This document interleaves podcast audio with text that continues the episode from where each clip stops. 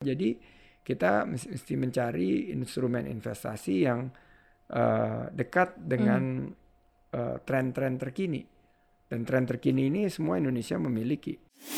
Kalau kita mundur nih ke momen di mana kapan sih pertama kali Bang Sandi tuh punya uang hasil kerja sendiri, ingat nggak? Waduh, itu SD kali ya. SD?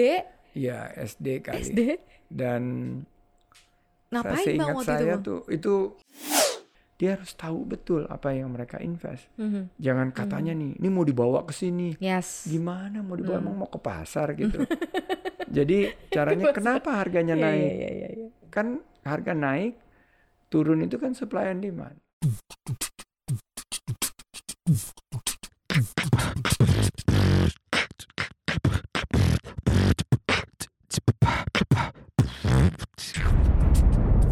Cuap-cuap cuan. Selamat datang di podcast Cuap Cuap Cuan on Location. Ini adalah podcast persembahan dari CNBC Indonesia dan special guest saya hari ini ada Sandiaga Uno, Menteri. Pariwisata dan Ekonomi Kreatif. Bang Sandi apa kabar? Alhamdulillah baik-baik Maria dan welcome to podcast studio Wonderful Indonesia. Hmm, Ini kayak X ya, Cuap Cuap Cuan X Podcast Wonderful Indonesia. Betul dan di sini good vibes only. Good vibes only. Yang enggak vibes-nya good keluar aja gitu ya. Iya, karena ini hanya berbicara tentang cuan. Osh. Jadi kalau cuan itu mesti dekat dengan good vibes. Iya. Pertanyaan pertama aku adalah rahasianya apa sih Bang Sandi selalu keren? Rahasia. Eh, keren itu berdekatan dengan cuan. Jadi eh, kalau kita bisa memastikan portfolio kita kinerjanya eh, keren, Yes. eh, insya Allah itu kita cuan. Tapi kan lagi susah sekarang kondisinya lagi kayak Ya up and kan down gitu loh. Curhatan sobat-sobat cuan. Kita kalau Oke. pendengar kita nih Bang Sandi disebutnya sobat cuan. Mereka sampai pusing gitu, bahkan stres nggak mau lihat market gitu karena hmm, nggak good. Apalagi sekarang kan jam perdagangannya lagi balik lagi normal nih. Iya. Nah, mereka harusnya kan udah dengan vibes yang bagus, tapi mereka masih kayak ya mungkin karena angkatan kolonial saya kebanyakan gitu ya. Jadi baru ngelihat real market sekarang nih banyak yang nggak kuat mental, Bang Sandi. Ayo sobat cuan, hadapi kenyataan.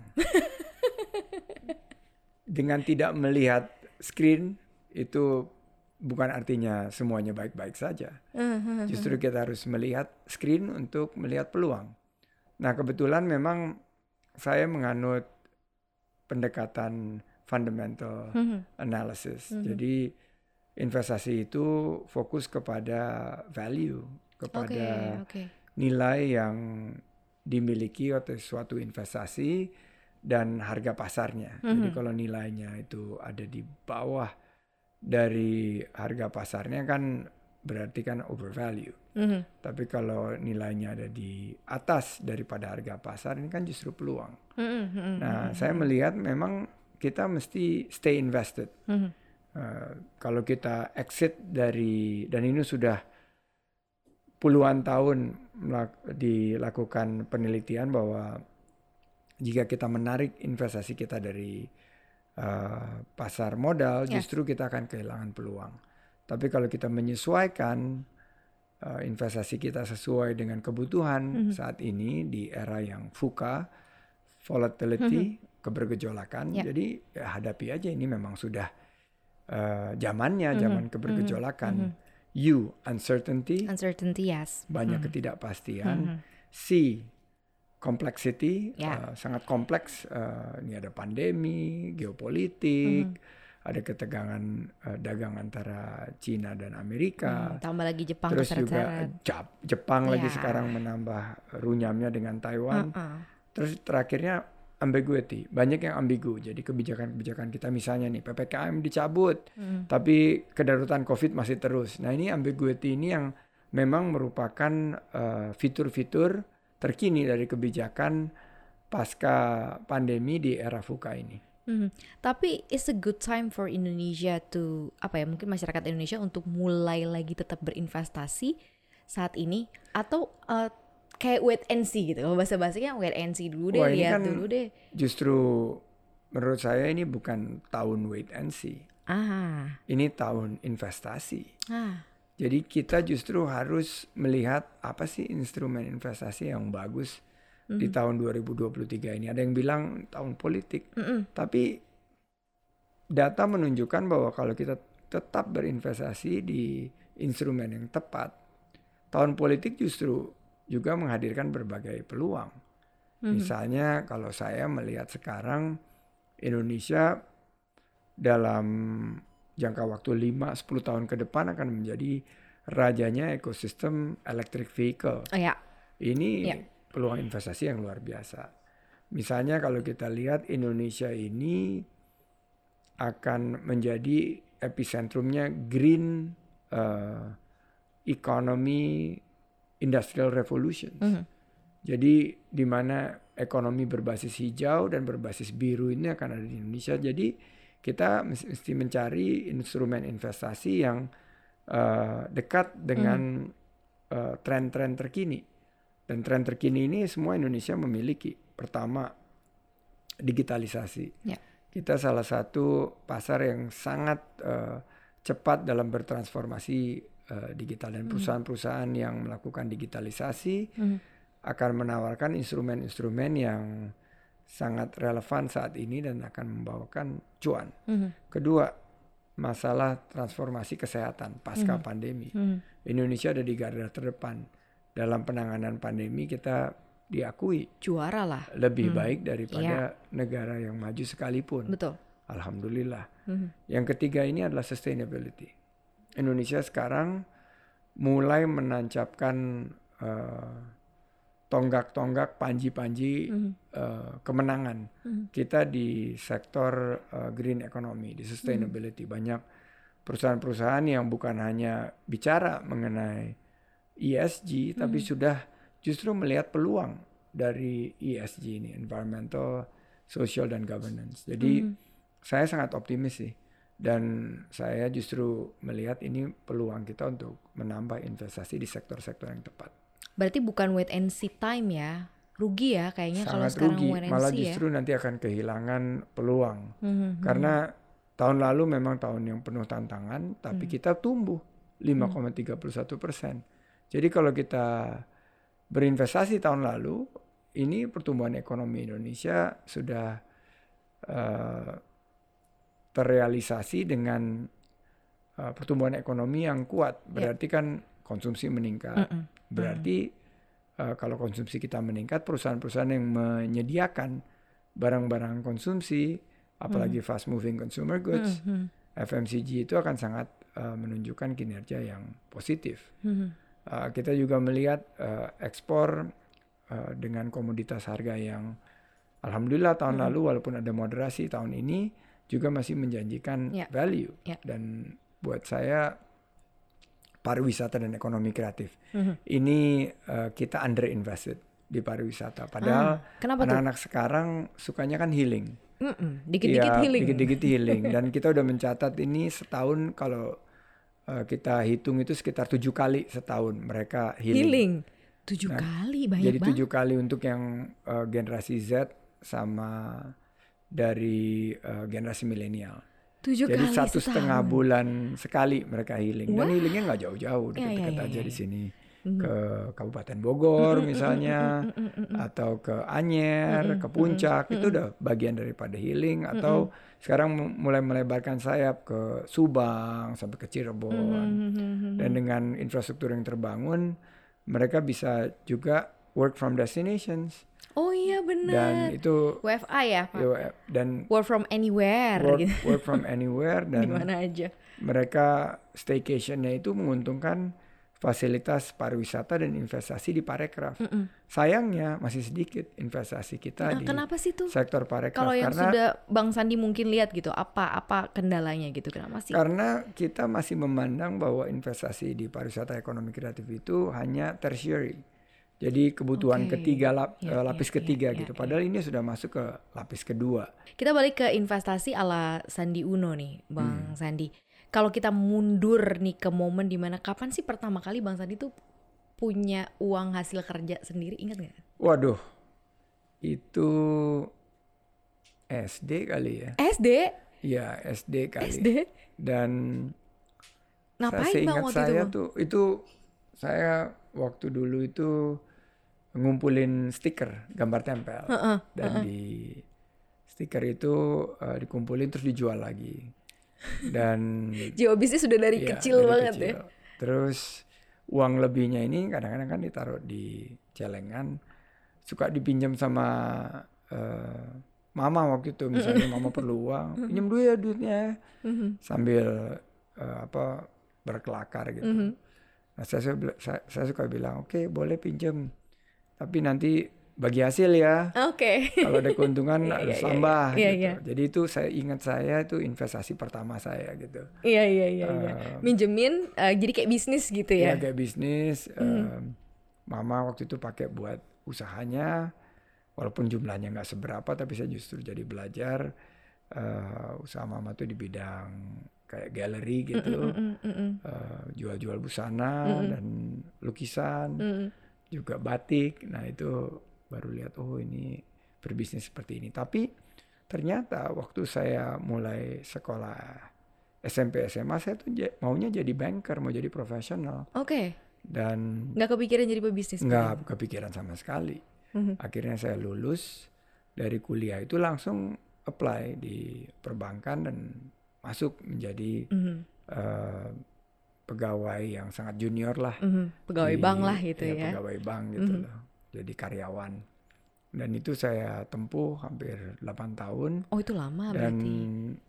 eh, Dari akhirnya dari eh, first graduate berarti ya. dari pertama kali lulus Mhm. dan akhirnya sampai ke tingkat ya setingkat lagi udah menjadi pimpinan lah. Mm-mm. Tapi terus ternyata kan krisis moneter Mhm. dan tahun 98 97 berarti 98. 97 98. Akhirnya saya kehilangan semua itu, saya di PHK. Mhm.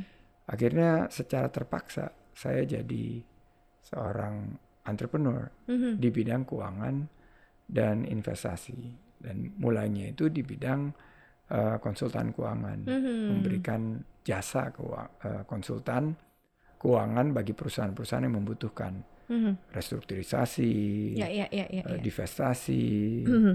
em, monetisasi dari investasi. Jadi itu yang saya lakukan dan perlahan usaha tersebut berkembang menjadi pengelola investasi Mhm. dan terus eh, masuk ke beberapa sektor-sektor unggulan dan setelah hampir 25 tahun lebih sekarang Mhm. usaha kami menjadi usaha nasional dan membuka lapangan kerja bagi 30 ribu karyawan. Mhm. Pernah Jadi- nyangka gak sih bahwa dulu yang dimulai karena secara mau tidak mau ya gitu ya karena kan tadinya profesional kemudian jadi entrepreneur bisa sampai sebesar ini. Nggak kepikir. Ini entrepreneur by accident dan ini karunia dari Allah Subhanahu wa taala yang Maha Kuasa bahwa kita diberikan tanggung jawab ya. Dan nggak pernah terpikir gini usaha yang tadinya hanya bertiga terus Mm-mm. sekarang menjadi usaha yang 30 ribu karyawan gitu. Tapi Kalau- 8 tahun itu juga dimanfaatkan uh, investasi nggak sih Bang Sandi waktu itu? Punya Waktu- investasi, punya porto gitu. Jadi waktu jadi profesional ada, Ada. tapi ya waktu Krismon habis semuanya. Hmm, Dan karena Berarti dulu risky aset semua dong rata-rata. Wah, waktu itu semua aset itu risky aset Yes. karena Asia kan jebol semua. Dan waktu itu karena masih muda, masih berani, saya berinvestasi menggunakan margin. Jadi Oke, eh, aset-aset itu semua tercollateralize. mhm, Jadi menjadi kolateral, menjadi agunan dan habis semuanya dieksekusi oleh perbankan karena nilainya drop Mhm. lebih dari 50% kan di krisis keuangan Asia waktu itu di Krismon. Jadi itu pelajaran buat saya dan setelah itu semua investasi saya adalah investasi eh, yang prudent, Mhm. berbasis fundamental. Saya nggak mau lagi spekulasi. Saya berjanji sama diri saya, saya nggak mau menyusahkan keluarga saya karena waktu itu jangankan bayar sewa eh, tempat tinggal kita, kita akhirnya harus sampai eh, berkemas dan pulang tinggal di rumah orang tua karena nggak sanggup. Mhm. Dan untuk beli susu anak juga mikir gitu loh waktu saat itu. Jadi saya akhirnya berjanji kepada diri sendiri bahwa saya akan berinvestasi secara hati-hati Ya. Dengan pendekatan konservatif. Portfolio saya itu harus portfolio yang menggambarkan jangka panjang. Mhm. Jadi investasinya itu di values, jadi Oke, value oke. investing. Mhm. Dan yang menjadi role model saya itu ya Warren Buffett, Warren Buffett uh, ya ya. Benjamin Russell, Oke, bahwa mereka itu oke. melihat value begitu nilai daripada pasarnya itu jauh di bawah nilai intrinsik daripada sebuah instrumen. Mhm. Oke, berarti karena pelajaran itu akhirnya membuat Bang Sandi kemudian switch gitu ya, jadi being an investor. Kalau bicara mengenai resesi dan krisis berarti udah pernah ngelewatin berbagai macam fase ya Bang? ya? Waduh, udah Kalau sekarang kan- krisis ke kesekian kalinya. Nah, kalau sekarang kan expose media gede banget nih di, med- di medsos kan resesi, apa itu resesi dan banyak banget akhirnya teman-teman atau sobat cuan tanya gimana nih Min mau resesi, apa yang harus dilakuin. Nah, pengalaman Bang Sandi kalau compare dengan yang dulu dan sekarang gitu, apakah memang kita near to that recessions? enggak, enggak Apa sebenarnya masih ini hanya karena ya karena banyak media yang expose jadi ketakutannya kayak seakan-akan jadi lebih memuncak gitu. Memang ada resesi, tapi bukan di Indonesia. Hmm. Ada resesi di uh, beberapa belahan dunia dan negara-negara lain yang sudah menjadi pasien Hmm. IMF. Sudah ada itu dan ada sekitar 60 negara yang berpotensi untuk resesi dari total sekitar 200 negara. Gitu. Hmm. Indonesia alhamdulillah. Uh, tapi kita harus selain optimis juga waspada. Ya. Jadi kita harus cautiously optimistic Mhm. uh, optimis optimis dengan penuh kewaspadaan. Kita fundamentalnya kuat. Kita kemarin ada gejolak perbankan di Amerika. Ya.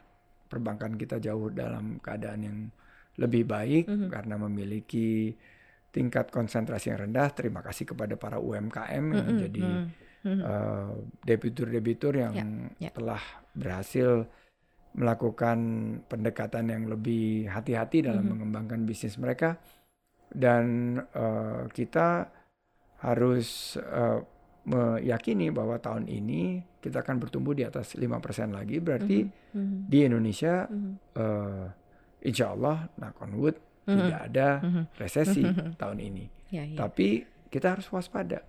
Sekaligus juga harus uh, gercep dalam melihat peluang gerak cepat gitu. Misalnya ada peluang di beberapa sektor unggulan itu kita harus masuk dan sabar berinvestasi. Hmm. jangan dua tiga hari naik 20% cash out padahal Ini kan menarik sih sabar berinvestasi menurut Sandiaga Uno seperti apa sih? Karena Sabar anak sekarang nggak ada yang kenal sabar investasi. lakukan eh, analisa dengan penuh eh, kehati-hatian dan secara menyeluruh komprehensif di eh, sebutnya fundamental analysis dan terpilihlah dua tiga instrumen atau mungkin portfolio eh, beli portfolio tersebut jangan pernah time the market jangan pernah nunggu ini Ya. harga berapa time the Ya. market abis itu taruh laci Hmm. 80% itu yang ditaruh di laci itu bersabar dan ini nggak akan pernah di cash out kecuali ada sesuatu yang sangat luar biasa terjadi Mhm. atau ada perubahan dari uh, investment tesis kita atau Ya, ya, tesis ya. investment kita. Kalau kita senang trading boleh juga, tapi limit trading kita di angka mungkin buat saya maksimal 5 sampai 10% dari portfolio kita. Oke. 5 sampai 10 persen aja gitu ya. 5 dari 10%. Yang 80% lebih itu long term portfolio dan 10% itu ya di instrumen lain seperti properti, Hmm. emas atau instrumen lainnya. Kalau untuk yang baru-baru yang kekinian misalnya kayak uh, kripto gitu-gitu, Um, uh, update nggak sih Bang saya Sandi nggak dan ada kripto di portfolio saya. Kalau Bang Sandi sendiri ditanya, melihatnya seperti apa dengan tren investasi-investasi baru yang Ya ini kan naik turun naik turun. Kemarin sempat turun drastis, sekarang lagi sekarang lagi ada lagi. spotlight lagi. Um, saya punya konsep whatever goes up fast akan goes down fast juga gitu. loh. Jadi saya masih belajar.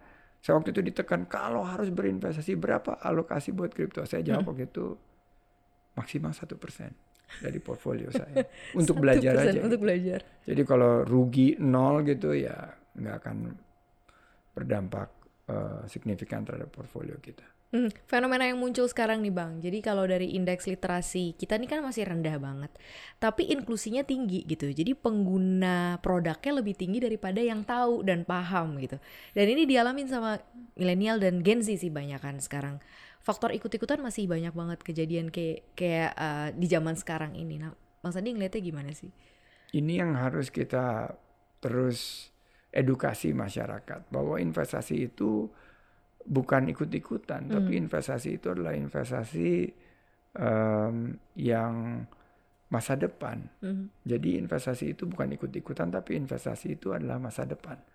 Jadi kalau dia menggantungkan masa depannya pada investasi, dia harus tahu betul apa yang mereka invest. Mhm. Jangan katanya nih, ini mau dibawa ke sini. Yes. Gimana mau dibawa? Hmm. Emang mau ke pasar gitu. Jadi caranya kenapa harganya Iya, naik? iya, iya, iya. Kan harga naik, turun itu kan supply and demand. Kalau Hmm. supply-nya kurang, demand-nya tinggi, berarti harganya naik. Hmm. Demand tinggi itu karena prospeknya bagus. Supply-nya ya karena mungkin kalau orang semuanya ingin beli, sedikit yang jual, harganya akan meningkat. Nah, kalau itu kita bisa pahami bahwa setiap peningkatan harga itu tentunya harus berlandaskan nilai atau value, Mhm. maka kita akan sangat mengerti dan akan sangat hati-hati dan berorientasi eh, jangka panjang jika kita berinvestasi. Oke, jadi ke long term ya. Makanya panutannya Warren Buffett gitu ya, sesuatu yang memang sudah dilihat bahkan bisa hidup pakai dividen gitu ya karena memang megang sesuatu hal yang memang bagus. Nah, kalau nextnya nih Bang Sandi untuk eh, real asset kayak properti gitu. Gimana sih Bang Sandi ngelihatnya ke depan nih? Saya tuh First struggles bisnisnya nih. buat saya karena udah berkali-kali ya, saya tuh nggak nggak terlalu tangan dingin sama properti. Jadi yang Mhm. eh, ada beberapa investasi yang alhamdulillah cuan di properti, tapi saya nggak punya banyak alokasi ke properti, hanya properti yang ditinggalin, Mhm. sama ada beberapa pro- properti yang investment eh, disewakan gitu ya, tapi dari yieldnya, terus maintenance-nya, Mhm. terus mesti refurbish, Bener. eh, akhirnya ya nggak terlalu tinggi dan dari segi em, pertambahan nilai kalau properti itu dibandingkan dengan yang ada di portfolio yang ada di pasar modal jauh lebih baik lebih tinggi eh, hasilnya yang dari pasar modal jadi Mhm. portfolio properti saya ya gitu-gitu aja mungkin saya nggak terlalu nggak terlalu hebat untuk Mhm. melihat eh, dari segi nilai beli tanah gitu Mm-mm, atau beli bangunan gitu Atau trennya udah pada berubah kali ya bang ya? Ke situ nggak sih mungkin karena orang jauh lebih pilihnya sewa daripada beli, yang kayak gitu-gitu nggak sih bang? ya Termasuk ada akhirnya perubahan membuat anak-anak sekarang lebih baik eh, bisa daripada memiliki yang penting bisa eh, menempati, menyewa. menempati atau ya to experience something doesn't mean that you have to own it Iya kan. iya iya iya iya. iya. Jadi kalau misalnya dia mau tinggal di villa ya sewa aja villanya buat apa dibeli. Karena lebih banyak yang suka nomaden sekarang Ya pindah-pindah dan tempat. mereka lebih bosenan kan. Mm-mm, mm-mm. Jadi kalau dihitung-hitung saya punya perhitungannya memang akhirnya di jangka menengah jangka panjang dengan menyewa karena menyewa itu kita nggak perlu pusing untuk eh, ya kalau ada Kerusakan atau penurunan, apa? penurunan ya, ya. nilai atau ada kerusakan kita Mhm, harus perbaiki dan lain sebagainya. Jadi bisnis sewa ini juga akan semakin meningkat ke depan. Mm, Mungkin yang kalau tangan dingin ya berhasil-berhasil aja gitu ya. Iya, kalau tangan Bang dingin sih ada teman-teman saya yang jago-jago banget. Mhm. Beli ini naik dua kali lipat, jual. Beli lagi naik dua kali lipat, jual gitu. Mhm. Saya nggak mengalami itu gitu loh. Jadi bukan artinya properti itu not a good investment. Ya, ya, saya ya, aja ya, nggak hokinya di properti. Masing-masing beda-beda sih, makanya beda orang tuh beda investasi dan beda pengelolaannya ya Bang Betul. Sandi. Kalau Bang Sandi sendiri ngelihat 5 atau 10 tahun lagi Indonesia ini akan seperti apa sih? Hype-nya mungkin hype di investasi, terus eh, hype-nya di pariwisata mungkin kalau dari hype-nya kacamata akan Sandi. super super um, hype menurut Hmm. saya. Jadi uh, kalau di investasi kita dengan GDP sekitar 4 ribuan sekarang dan akan bertumbuh mudah-mudahan di atas 10 ribu, 10 tahun lagi, 20 tahun lagi di atas 20 ribu. Mm-mm. Ini kan akan menjadi ekonomi nomor 4 terbesar dunia. Jadi Yes. Wow. kita lihat aja indeks iya, uh, harga saham gabungan kita. Mm-mm. Uh, dulu waktu saya terpilih di DKI banyak yang bilang wah ini kolaps nih semuanya. Saya bilang enggak, waktu itu 4000 Saya bilang ini akan 6000 Dan, Dan benar. saya buktikan gitu. Dan benar. Tiga tahun 6000 Mm-mm. Dan kalau yang ikut saya waktu itu berinvestasi, Cuannya udah cuan habis gitu, belum dapat dividen dan Iya. lain sebagainya. Jadi saya lihat eh, turbulensi ini akan bersama kita untuk beberapa tahun ke depan. Tapi kita mesti siap, eh, jangan kita pesimis, Mhm. jangan kita berpikir negatif. Mari kita bersama-sama melihat peluang baik peluang usaha eh, dan bagi yang punya usaha besarkan usahanya dan eh, list your company, go IPO. Karena itu adalah em, pencapaian tertinggi dari usaha kita jika kita sudah bisa mengajak publik untuk memiliki usaha kita juga. untuk bisa punya share di perusahaan kita gitu Betul. ya. Pesannya dong Bang Sandi buat sobat cuan gitu untuk eh, ya bisa menghadapi segala situasi tadi di era FUKA ini yang tadi Bang Sandi juga udah bilang. Ya, pesannya stay invested, terus berinvestasi, pilih investasi yang eh, memiliki fundamental yang baik, pilih sektor yang cocok dengan pembangunan Indonesia, eh, pilih perusahaan yang dikelola dengan amanah oleh tim manajemen yang kuat dan bertanggung jawab dan mudah-mudahan investasi kalian akan mendatangkan banyak keberkahan. Sukses buat Sobat Cuan. Keren banget dan seru banget ngobrolnya Bang Sandi nggak berasa banget waktunya udah selesai. Tapi next kapan-kapan boleh ya main-main lagi ya ke sini. Boleh ya. banget dan ini buat teman-teman Sobat Cuan silakan ini rumahnya eh, pariwisata dan ekonomi kreatif kita di gedung Sabta Pesona di Yes. Medan Merdeka Barat ada creative hub-nya juga di sini Eh, silakan untuk eh, mencurahkan ada music corner Bener. ada coffee corner Yes. Ada warung Rojali. Tahu nggak warung Rojali apa? Ada di bawah tadi. Singkatannya tahu nggak Rojali? Ah, apa Bang? rombongan yang jadi beli.